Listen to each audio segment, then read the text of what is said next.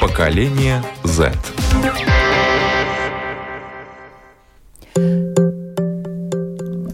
Здравствуйте, с вами Марина Талапина. В эфире программа «Поколение Z», режиссер программы Роман Жуков, звукооператор Том Шупейко и Спасибо вам большое, уважаемые слушатели, зрители, за то, что вы нас любите, ставите нам лайки, смотрите нас и на Фейсбуке, и в Инстаграме, и слушайте и э, на всех платформах, включая Spotify, Google и Apple подкасты, конечно, на нашем сайте lr4.lv.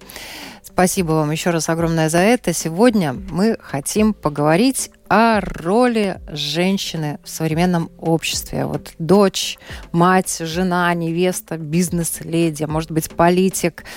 Какие роли женщина сегодня э, в нашем обществе играет и берет на себя, какими они могут быть в современном мире. Об этом мы говорим сегодня. Я рада представить со мной в студии Михаил Олехов. Привет. Добрый день. И на связи с нами Мартина Карлин. Мартина, привет. Всем привет. Всем привет. И Лаура Фелдмана. Лаурочка, привет. Здравствуйте. Вот современные женщины, э, которые вам нравятся, которые вас вдохновляют. Девчонки, давайте начнем с вас, Мартина. Кто эти женщины, на которых ты равняешься, может быть? Мне кажется, таких женщин много. Я вообще очень рада, что, конечно, в современном мире мы можем заметить, что э, роль женщины, она поменялась, что вообще как бы появляются роли, и женщины могут оказывать намного больше влияния, чем они могли это делать раньше. Э, но мне сложно выделить одну такую женщину. Я думаю, что э, я равняюсь, как и у нас много сейчас прекрасных актрис, у нас много прекрасных эм, даже политиков. И, не знаю, мне сейчас сложно вот кого-то одного выделить. Я просто вот говорю, что в целом я очень довольна видеть то, то что сейчас происходит, и то, что мы такие умнички. Ну, я думаю, может быть, потом тебе придут э, мысли Да, если о том, придет, я обязательно упомяну, да. Кто это? Э, Лаура, у тебя есть какие-то ориентиры, у которых ты что-то, может быть, готова позаимствовать? Вопрос э, прям врасплох нас застал. А, но для меня некоторые ориентиры — это некоторые журналисты, именно женщины. А, вот, мне нравится, как они мыслят, мне нравится то, какой продукт они в итоге делают. Э, но, конечно, мне кажется, особенно для нас, девочек, изначально пример уже с рождения — это наша мама. А, вот, потому что, смотря на нее, мы растем, мы можем какие-то ее привычки себе перебирать, и вообще э, женщина э, очень похожа на свою маму, как я считаю, потому что вот эта связь, она все-таки нерушима, поэтому мама для меня в первую очередь пример. Спасибо. Миша, вот какие женщины тебе нравятся, которые вот... Э, на, на кого ты обращаешь внимание из таких известных личностей? Да, конечно, вопрос очень непростой. И я, наверное, присоединюсь к Лауре, что для меня это, конечно, а, женщины с активной позицией, и это могут быть как и журналисты, как, так и женщины в политике. Я считаю, что в наше время очень хорошая тенденция а, видна, что все больше и больше женщин высказывается, все больше они принимают роли, которые раньше казались только мужскими. Ну и, конечно, как очень хороший пример, а, как я уже и говорил, журналист, это вы можете быть Марина Талапина. Спасибо. Да, конечно. А, и мне кажется, а, любой человек с, с какой-то позицией сформированной, а, и это не, не вообще в наше время что мне очень нравится, не зависит от его пола. Хорошо, ладно, с современными женщинами не получилось. Давайте заглянем в историю. Есть какие-то женщины, э, может быть, из литературы, не только из истории, какие-то художественные персонажи женского пола, которые вот вам чем-то запомнились, чем-то понравились. Мартина, mm, ты киваешь, у тебя есть. А, ну, мне сразу почему-то пришла в голову Коко Шанель. А, потому что для того времени это на самом деле была радикальная женщина, особенно в моде. Она как раз-таки была в своем роде такой революционеркой, которая так сказать, женщин освободила от вот этих вот рамок в одежде, в том, что нам приходилось носить корсеты, вот эту всю тяжелую одежду, и она огромная молодец, спасибо ей. Она первая, кто насколько я знаю, могу ошибаться, предложила женщинам носить штаны. Да, именно и она костюмы кажется, женские она стала да, вводить. Да, это просто потрясающая женщина, благодаря которой мы вот сейчас чувствуем себя а, в комфорте и свободе, и она была а, очень уверенной в себе, а, раз она пошла на такие меры, и, конечно, сто процентов вызывает восхищение. Лаура. Э, ну, мне почему-то сразу на ум пришла Маргарет Тэтчер, да, вот «Железная леди», которая не боялась уже в те времена э, сказать что-то поперек мужчине. И я думаю, что она была прорыв и, может быть, даже пример для женщин, что иногда все-таки можно что-то сказать, и не молчать, и э, прислушиваться только к мужчинам. Ну, вот таких серьезных действительно женщин назвали. И, э, Миш, вот э, у тебя есть какие-то женщины, которые запали тебе в душу? А, я скажу так, что мы, похоже, сегодня с Лорой мыслим на одной волне, потому что у меня тоже в голову первой пришла Маргар... Маргарет Тэтчер, как пример. Но и кроме нее, чтобы не повторяться, а, конечно, а, я знаю, что в медицине очень много а, достижений принадлежит женщинам. И если я не ошибаюсь, то первая вакцина была тоже изобретена женщиной. И очень много везде примеров. Но так как у меня уже украли возможность сказать о Марга... Маргарет Тэтчер, то мне, к сожалению, больше нечего добавить. Ну вот. Хорошо. Вот я не знаю, давайте копнем еще глубже в историю. А, вот Нефертити или Клеопатра? Я только хотела сказать, ты у меня прям сусила. Ну, скажи, Нефертити а, или Клеопатра? Ну, про... Ой, я тут боюсь в исторических знаниях ошибиться. Но я больше наслышана о Клеопатре, естественно. Вот, но опять-таки как бы заочно, потому что я слышала, естественно, тоже опять-таки вызывает восхищение, но а, я могу ошибаться в исторических фактах, поэтому, может, если кто-то другой точнее знает, то может добавить, что все-таки это было очень-очень давно и ну, бесспорно. Но Клеопатра это тоже сильная женщина. А вот э, да. Э, говорят, что женщину украшает слабость. Как вы к этому мнению относитесь? Украшает слабость? Ну, мне кажется, что, как я это вижу, иногда, естественно, у нас может быть такое оружие, как прикинуться, так сказать, такой слабенькой дурочкой, потому что это может очень хорошо сработать, это может хорошо помочь, потому что если мы говорим о мужчинах, я замечаю то, что часто мужчин отпугивают сильные женщины, и, естественно, иногда нужно, нужно дать слабинку, но в этом и есть наша мудрость, поэтому все хорошо, когда это как-то уместно, правильно а, подано в свое время. Вот, поэтому, ну, украшает, не украшает, но иногда действительно стоит эм, это как-то внедрить. Наверное... Я могу добавить, что... Давай. Э, ну ладно, я быстро просто добавлю, э, что все-таки все должно быть в меру. Э, вот. И с этим точно не нужно перегибать и превращаться в какой-то степени в жертву. Э, да, поэтому нужно осознавать свои действия, и все-таки каждый должен в своей степени быть независим, в том числе и от партнера. Ну вот самостоятельная женщина – это сегодня действительно реальность. Да, и если взять, э, сравнить женщину сто лет назад, Мартина уже немножко начала об этом говорить, да, э, то ну, разница ощутима. Вот каких свобод женщины сегодня достигли, да, которые действительно э, нужны, а в чем, может быть, э, этой свободы уже чересчур так вот я сформулирую вопрос. Ну, честно, да, честно, вот если мы говорим о феминизме, который сейчас, естественно, очень такой на хайпе, будем говорить современным языком, языком.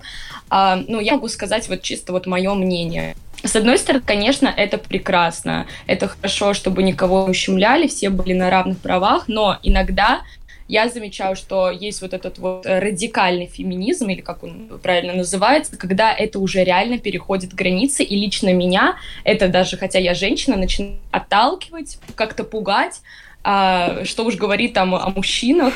Приводи а, пример. Мне кажется, что а, приводить пример. Ну, да, ну, как бы, вот, допустим, а, женщина там может сказать, а почему ты мне открыл дверь? там, почему ты, не знаю, предложил мне заплатить. Это может быть как и в хорошем смысле, но бывает так, что ты начинаешь как на него как будто агрессию за это, э, ну, за то, что ты что, думаешь, что я слабая, ты думаешь, что я не могу, и начинается уже что-то, ну, как бы ненормальное, то есть это какая-то уже агрессия, это что-то неспокойное, и мне кажется, что не должно переходить э, э, в пропаганду, то есть это все идти должно быть как-то сбалансировано в мир, потому что, ну, хорошо, чтобы все понимали, что просто не нужно никого ущемлять, всем бы было бы по-равному, но вот этот вот, типа, я все, я, ты мне ничего не должен, я все могу сама, почему ты думаешь, что я слабая, но мне кажется, это уже как-то как-то слишком. А вот интересно, что думает мужчина об этом. Миш, ты у нас за всех мужчин сегодня отдуваешься. Да, я прям чувствую груз ответственности. Спасибо, Марина, что напомнила. А, мне повезло, я с такими воинствующими феминистками не встречался, и я не, хочу говорить, что это плохо. Я думаю, что здоровый феминизм очень даже полезен в нашем обществе. И как единственный представитель мужчин сегодня в нашей передаче, я хочу сказать, что мне наоборот кажется, что когда женщина проявляет свою силу и самостоятельность, это больше показывает то, что она равноправна в поддержке. И как, Марин, вы уже говорили, а, как изменились свобода и права, а, у женщин в наше время. Мне кажется, что вот именно самое главное, что к ним начали прислушиваться и не воспринимать, что как бы а, мнение женщины имеет меньшую ценность, чем мнение мужчин. Ну и напоследок, чтобы не только у нас Клеопатра была, я все-таки, наверное, буду на стороне Нефертити, хоть я и тоже, честно говоря, уже подзабыл историю предысторию. Ну, мне принцесса Нефертити тоже нравится, хотя, к сожалению, она была отравлена, но э, на самом деле это такой, мне кажется, нежный образ в истории, тоже сильный, красивый, но нежный. И вот мне нравится в женщинах нежность.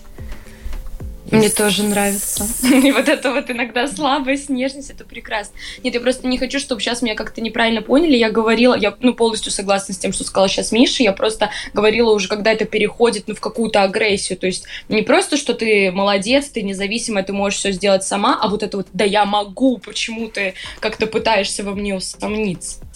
А вот я сейчас хочу вас спросить, э, женщины вообще всегда вдохновляли мужчин, да, были музами, художников. Вспомните Леонардо да Винчи.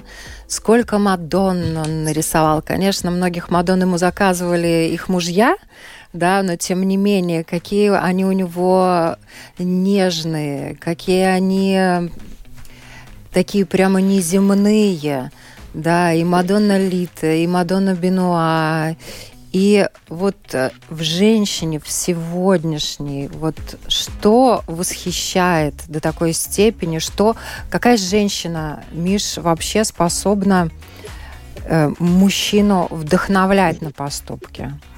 Я думаю, э, я так быстро реагирую, потому что вопрос тоже над ним задумывался и хотел дополнить, что кроме э, Леонардо да Винчи у нас есть и более а современные примеры, например, и Пикассо вдохновляли женщины. Всех мужчин. Сальвадор Всех. Дали. И Гала. Марк Шагал, если я не ошибаюсь. Конечно. Но да. это я, я просто привела примеры художников, которые э, женщин превознесли, угу. да, я считаю, оторвали от земли и сделали из них э, святых, да, нарисовали замечательные совершенно шедевры мирового искусства, действительно.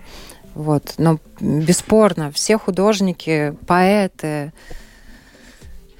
работают тогда, когда у них страсть, когда есть рядом муза. Если говорить о музе, мне кажется, что в наше время а таким человеком, такой женщиной, музой, может быть та, которая умеет выдержать в себе этот баланс нежности, как говорила уже Мартина, и при этом, а, и при этом это не только нежность, которая беззащитная, но при этом, которую ты не можешь, не, нельзя понять, во что оно а, перейдет в следующем, в следующее мгновение. То есть непредсказуемость. Конечно. Нежность плюс непредсказуемость. Вот такая вот формула. Да. Девчонки, давайте добавим в эту формулу да. еще чего-то и будем соответствовать и покорять э. сердца. Во всем, да, должен быть баланс, потому что... Ой, извини, пожалуйста. Извини. Давай, Мартин. Ну, продолжай.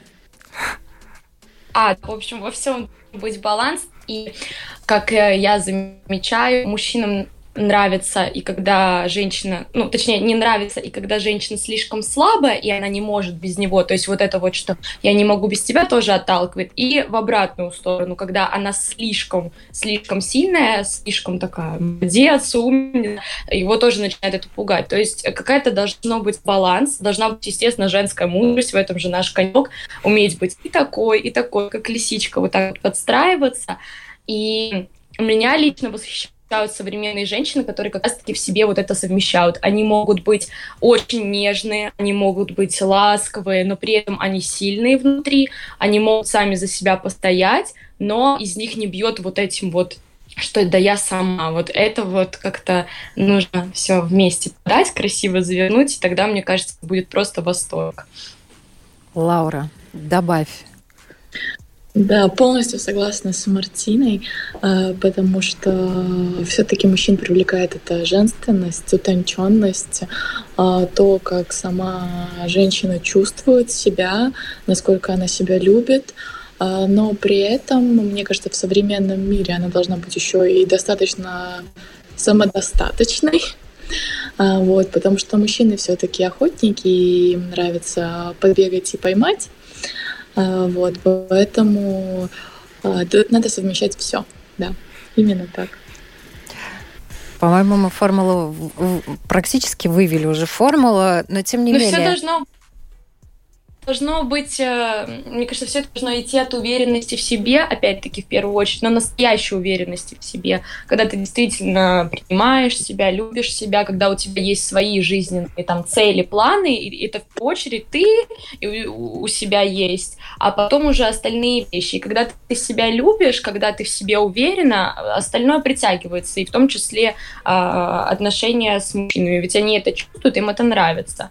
И вот, кстати, а, я часто также задумывалась о том, о красоте, а, что бывают же очень-очень красивые девушки по-настоящему, но из-за того, что они в себе не уверены, они в этом как-то усомневаются или, наоборот, слишком много а, на это акцент делают, остальные могут этого не замечать, но при этом будет сидеть девушка как бы, по стандартам общества менее привлекательная, но она настолько будет уверена в себе, там, харизматична, еще что-то, что все, все внимание будет а, уделено ей, поэтому это тоже очень важно.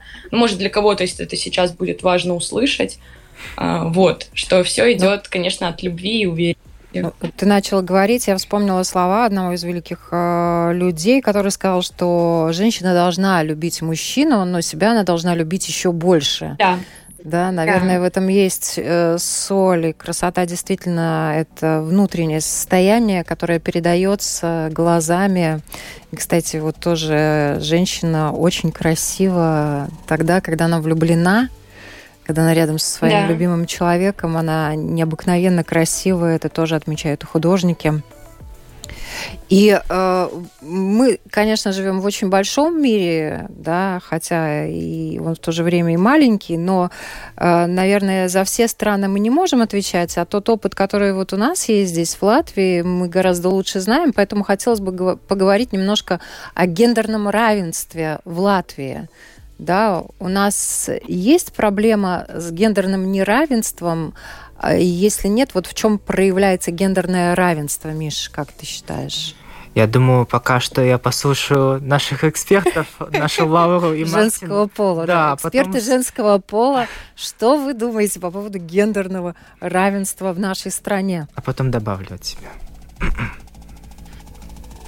Кто начинает? Ну, я как Давай, Лаура, ты. Я как такового не замечала вот э, равенство или неравенство, э, потому что я, например, не феминистка. То есть мне приятно, когда молодой человек может за мной открыть дверь, то же самое. Да, я не против, пожалуйста.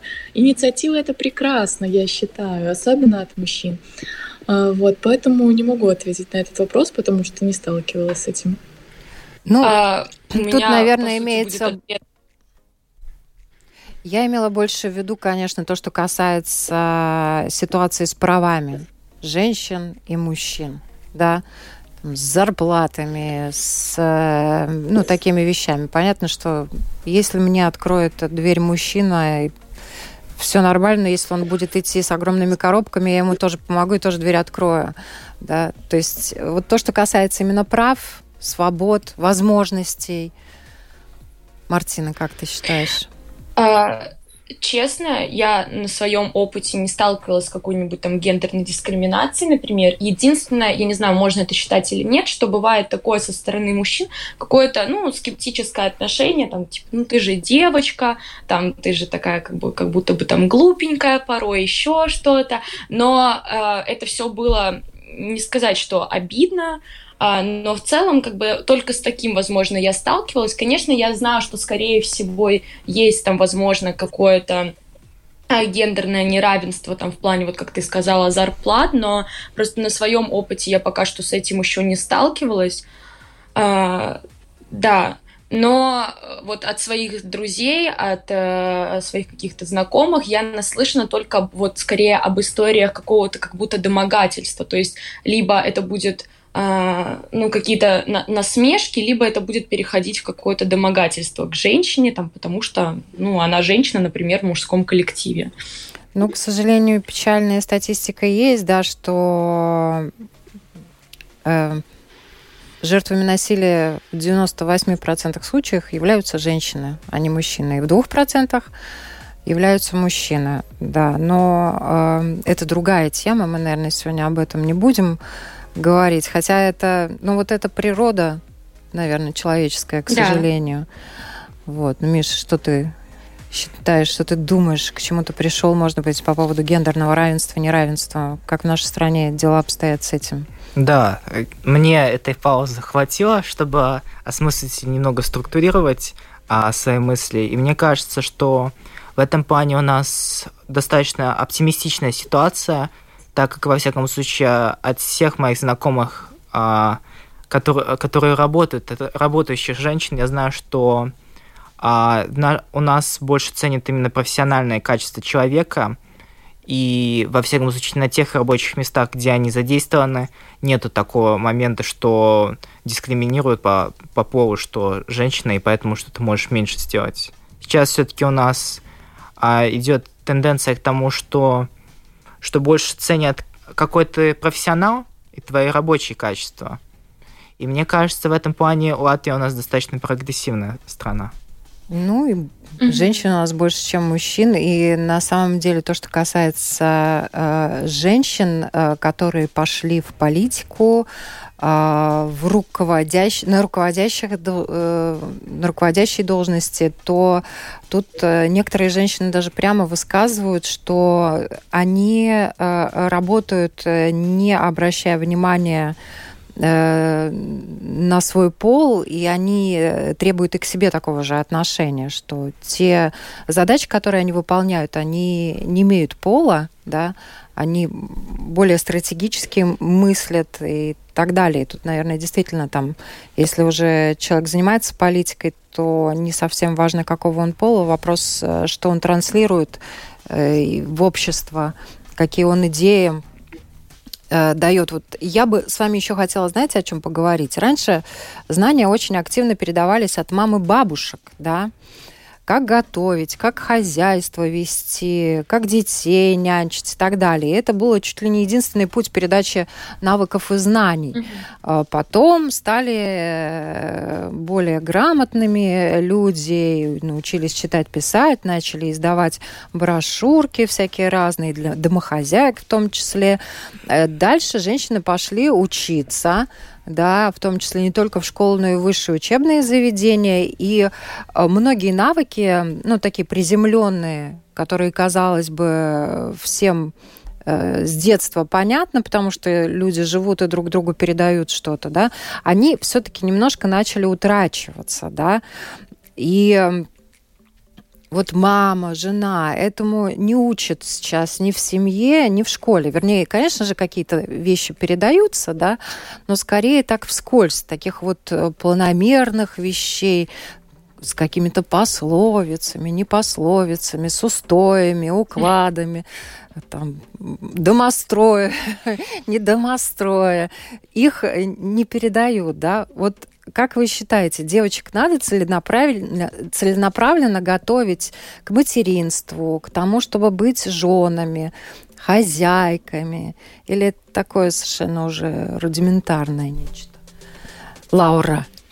Мне Прям... кажется, что это сейчас особо и не нужно, потому что э, есть много информации в интернете, много всяких курсов и так далее, но все равно женщина со временем, да, когда приходит тот момент, она на интуитивном плане начинает осознавать, э, что и как надо делать, и тем более она видит примеры у своей семьи, допустим, а, как они справляются, как ведет себя та же мама, как реагирует на это папа. И, э, в принципе, исходя из этого, уже э, можно понять, как тебе самой надо действовать.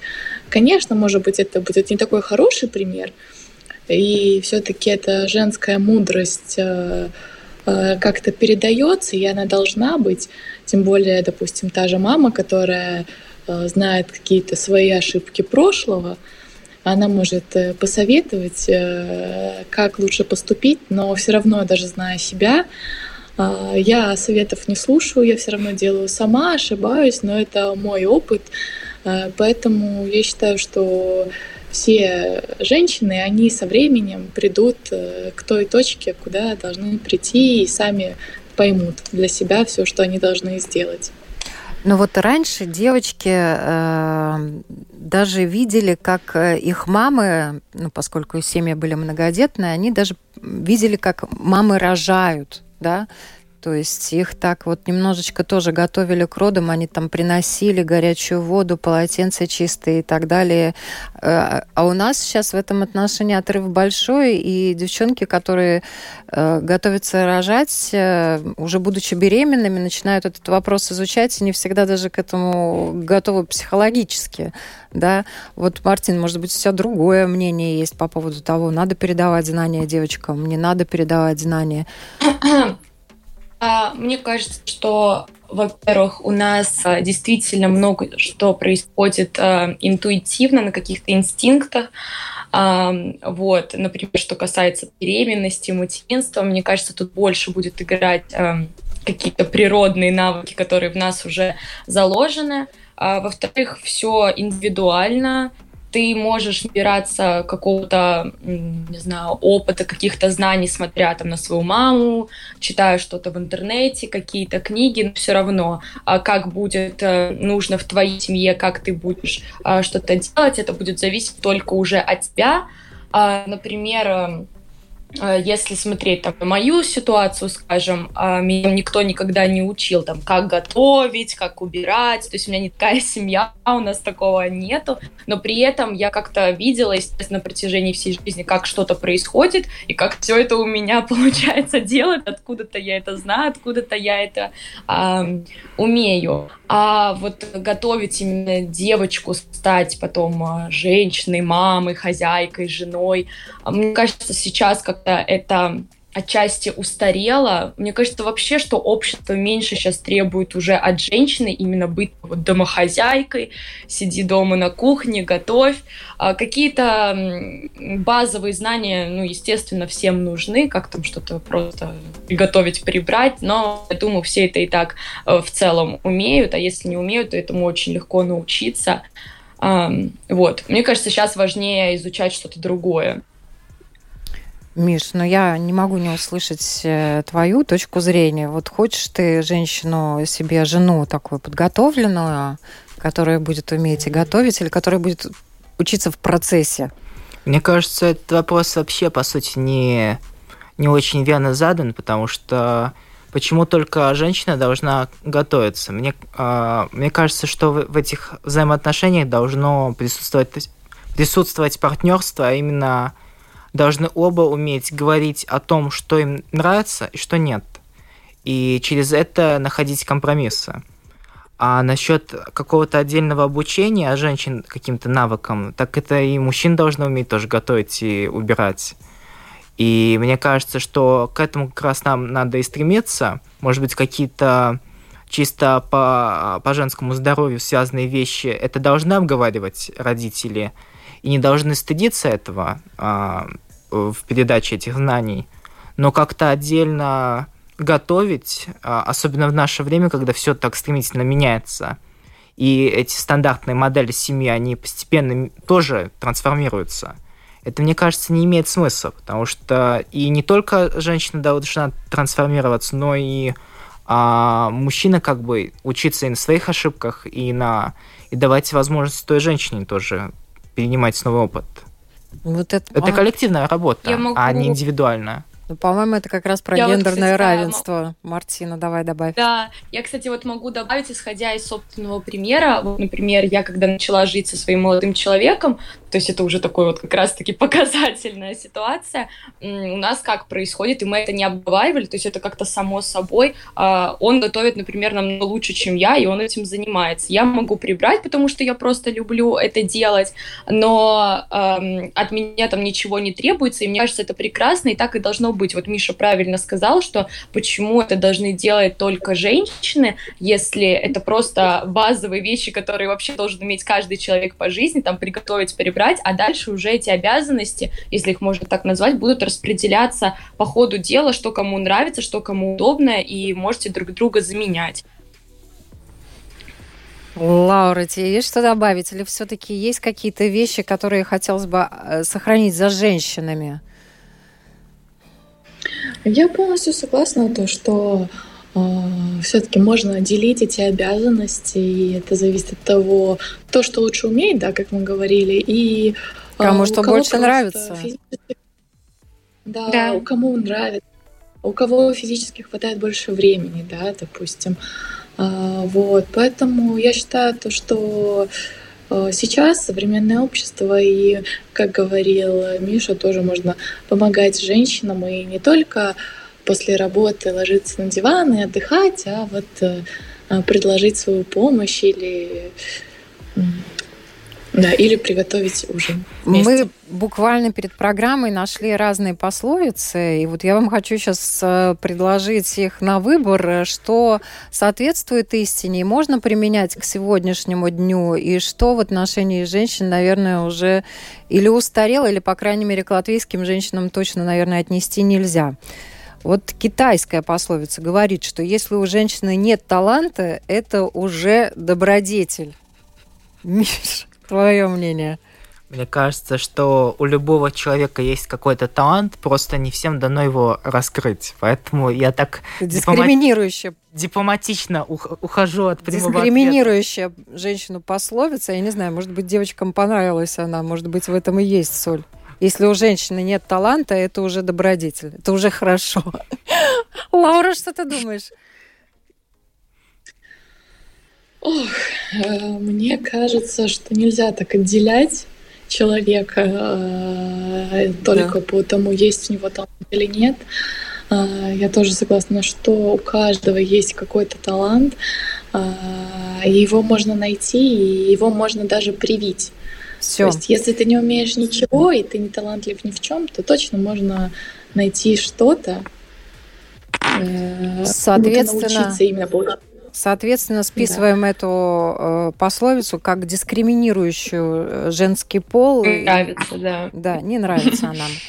Японская пословица. Любая женщина кажется красивой в темноте, издалека или под бумажным зонтиком. Мартина как у них там все плохо. Я не знаю, что, что происходит в Азии. А, Дискриминирующе. Ну, да. Мы, мы, по, мы про красоту поговорили, мы готовы и умеем красоту э, преподнести без Находить всяких зонтиков. Везде, да. Индийская пословица «Женщина, ветер и успех не отличаются постоянством». Миш, твое мнение? Это зависит от женщины. Вот. Хочет она быть постоянной Хочет или нет? она быть постоянной или нет, тут как бы нельзя обобщать. Ну да, мужчины тоже могут быть ветреными. Девчонки, согласны? Действительно. Дискриминирующая пословица. Еще одна дискриминирующая позо- по- по- пословица, да? И вообще то, что касается красоты, про мужчин вообще лучше помолчим, правильно? Вот. Э, Да. Вьетнамская пословица «Три женщины, четыре сплетни». Мгм. Ну, согласны, нет? Ну так оно и есть, девочки любят. Да, согласна, мы уже не будем тут лукавить. А мужчины не любят Миша обсуждать? Меньше. А мне кажется, мужчины также Меньше. Ну, А вот любят, любят. нет. Да, только Мне кажется, да. точно так же. Только Мне кажется, тоже, да. Что это свойственно э, обоим полам. Людям. Вот есть ассирийская пословица «Женский меч никогда не ржавеет». Что по этому поводу думаете? Если у женщины есть зуб, то он есть. Он никуда не исчезает со временем. Она всегда готова воткнуть свой меч. Но это, наверное, может быть восточная женщина. Я не знаю, наши латвийские, они такие более мягкие. Они готовы прощать, как вы считаете? Ладно, это... Не знаю. Я больше восточная женщина. То есть твой меч никогда не ржавеет, да? Думаю, что нет. Хорошо. Женский ум лучше всяких дум. Такая пословица. Женский ум лучше всяких дум. То есть умная женщина это хорошо, Миш, Что я думаю? Умная Да. женщина, да. Это, это хорошо. да? Это бесспорно хорошо. Хорошо, когда кто-то умный, неважно, а, какого он пола. Хотя бы один кто-то в паре должен быть умным, пускай это будет хотя бы женщина, да?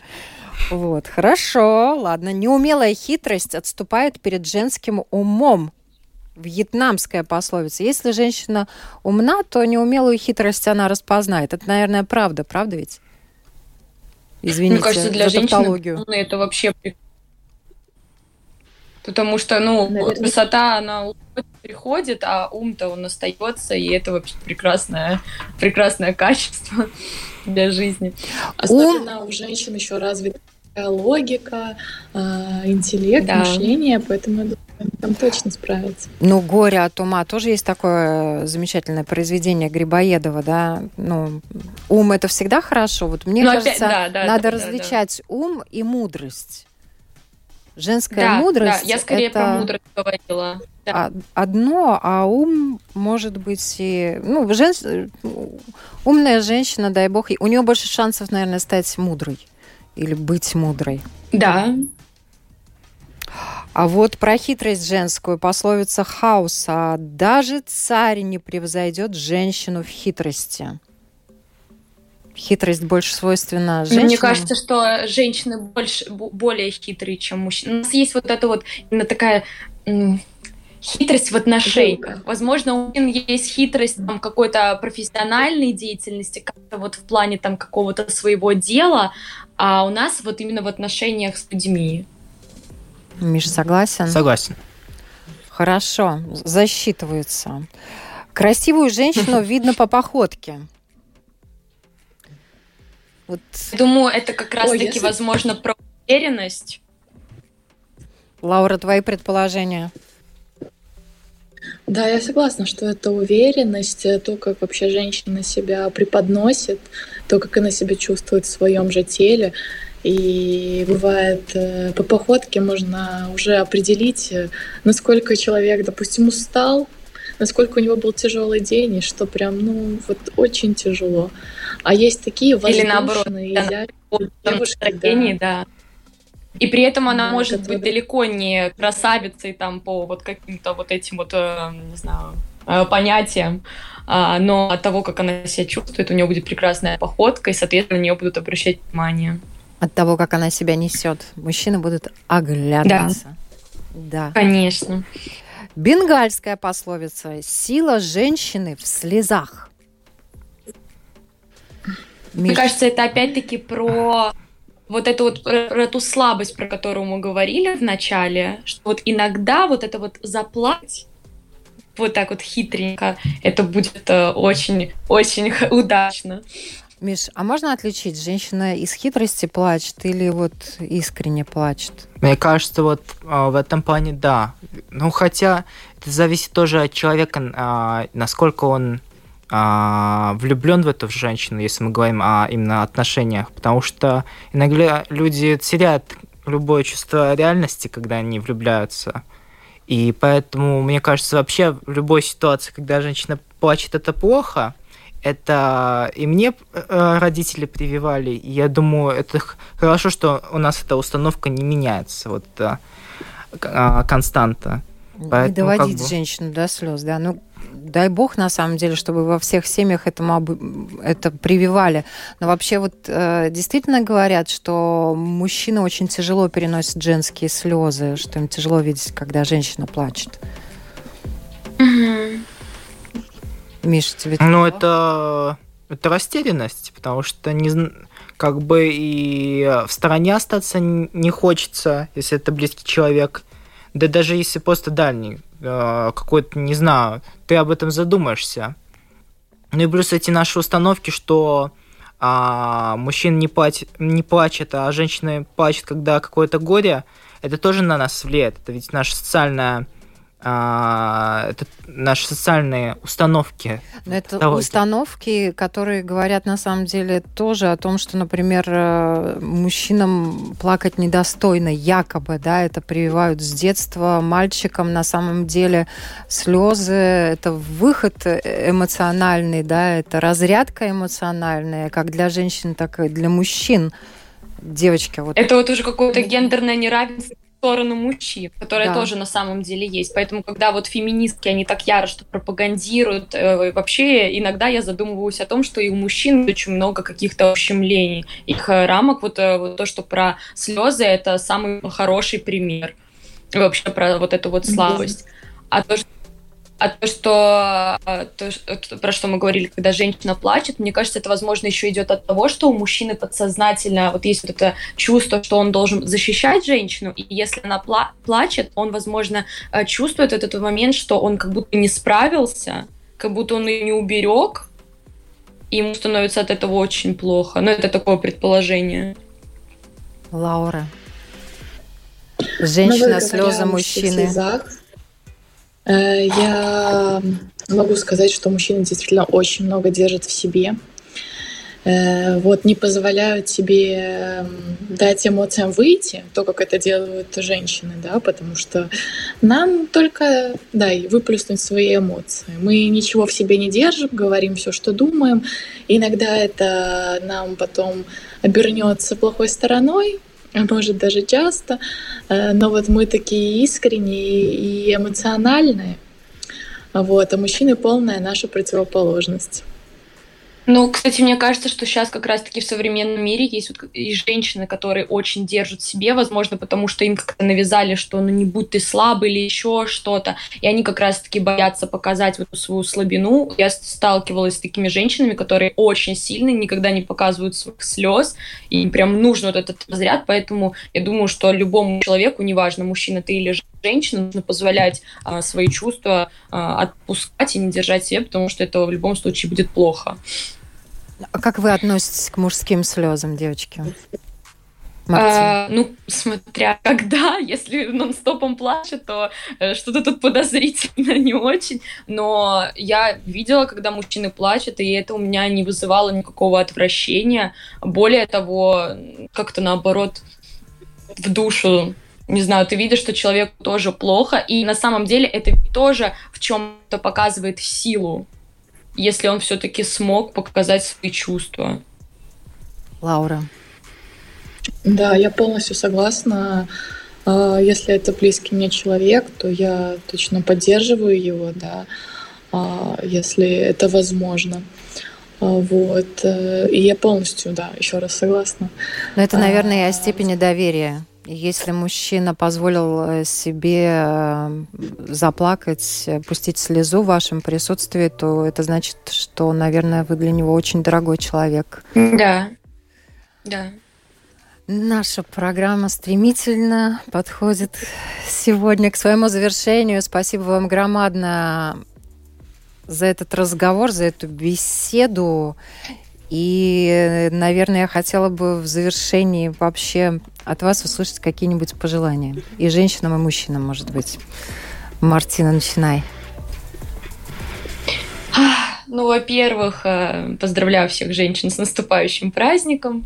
Мы молодцы. Э, девушки, женщины, девочки, будьте уверены в себе, не сомневайтесь в себе, вы все прекрасны. В каждой есть что-то особенное. Э, будьте собой, любите себя и помните, что вы у себя одни, и все у вас тогда будет.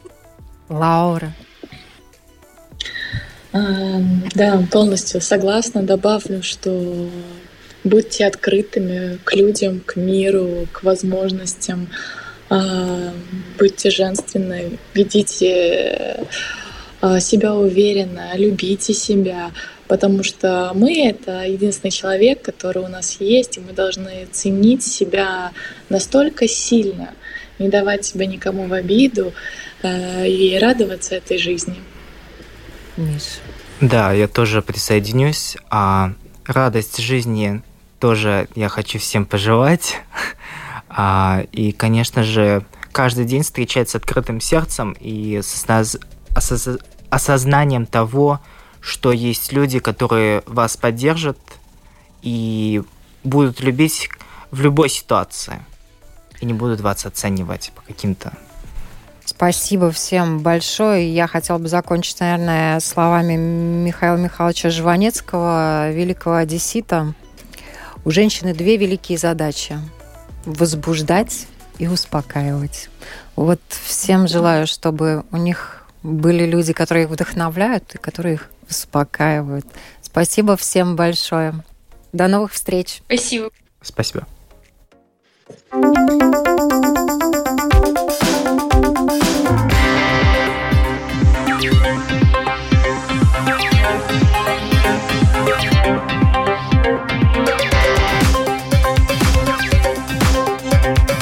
Поколение Z.